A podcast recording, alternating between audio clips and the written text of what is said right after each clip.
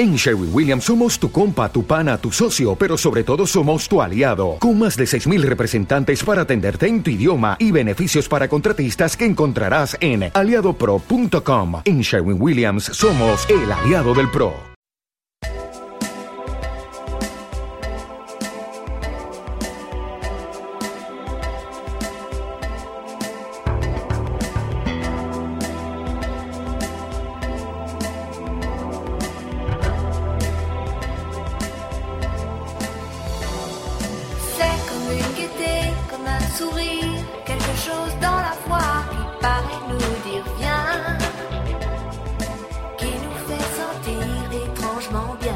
Hola, buenos días.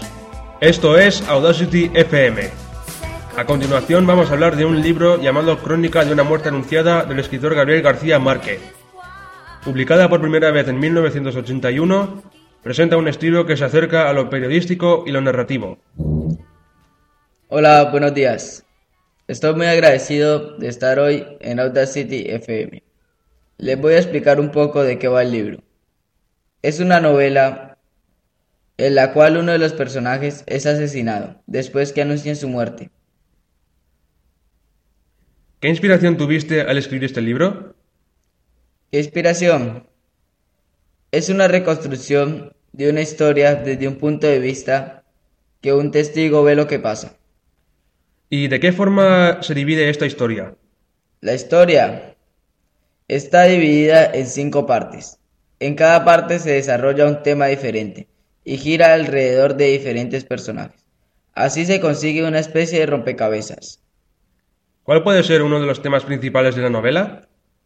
Uno de los temas más importantes es el conocimiento de la verdad y lo imposible que resulta acceder a él, porque no se consigue explicar cómo se pudo evitar la muerte del personaje. Ahora vamos a hacerles preguntas al público para ver si saben un poco del libro. ¿Por qué los hermanos Vicario quieren matar al protagonista? Porque su hermana que se había casado no era virgen y ella culpó al protagonista.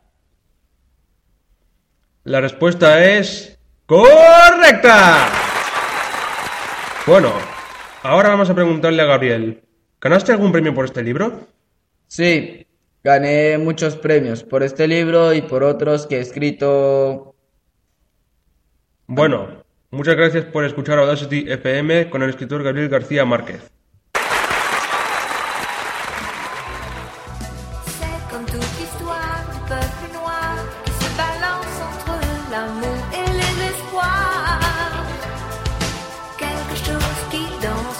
Toi.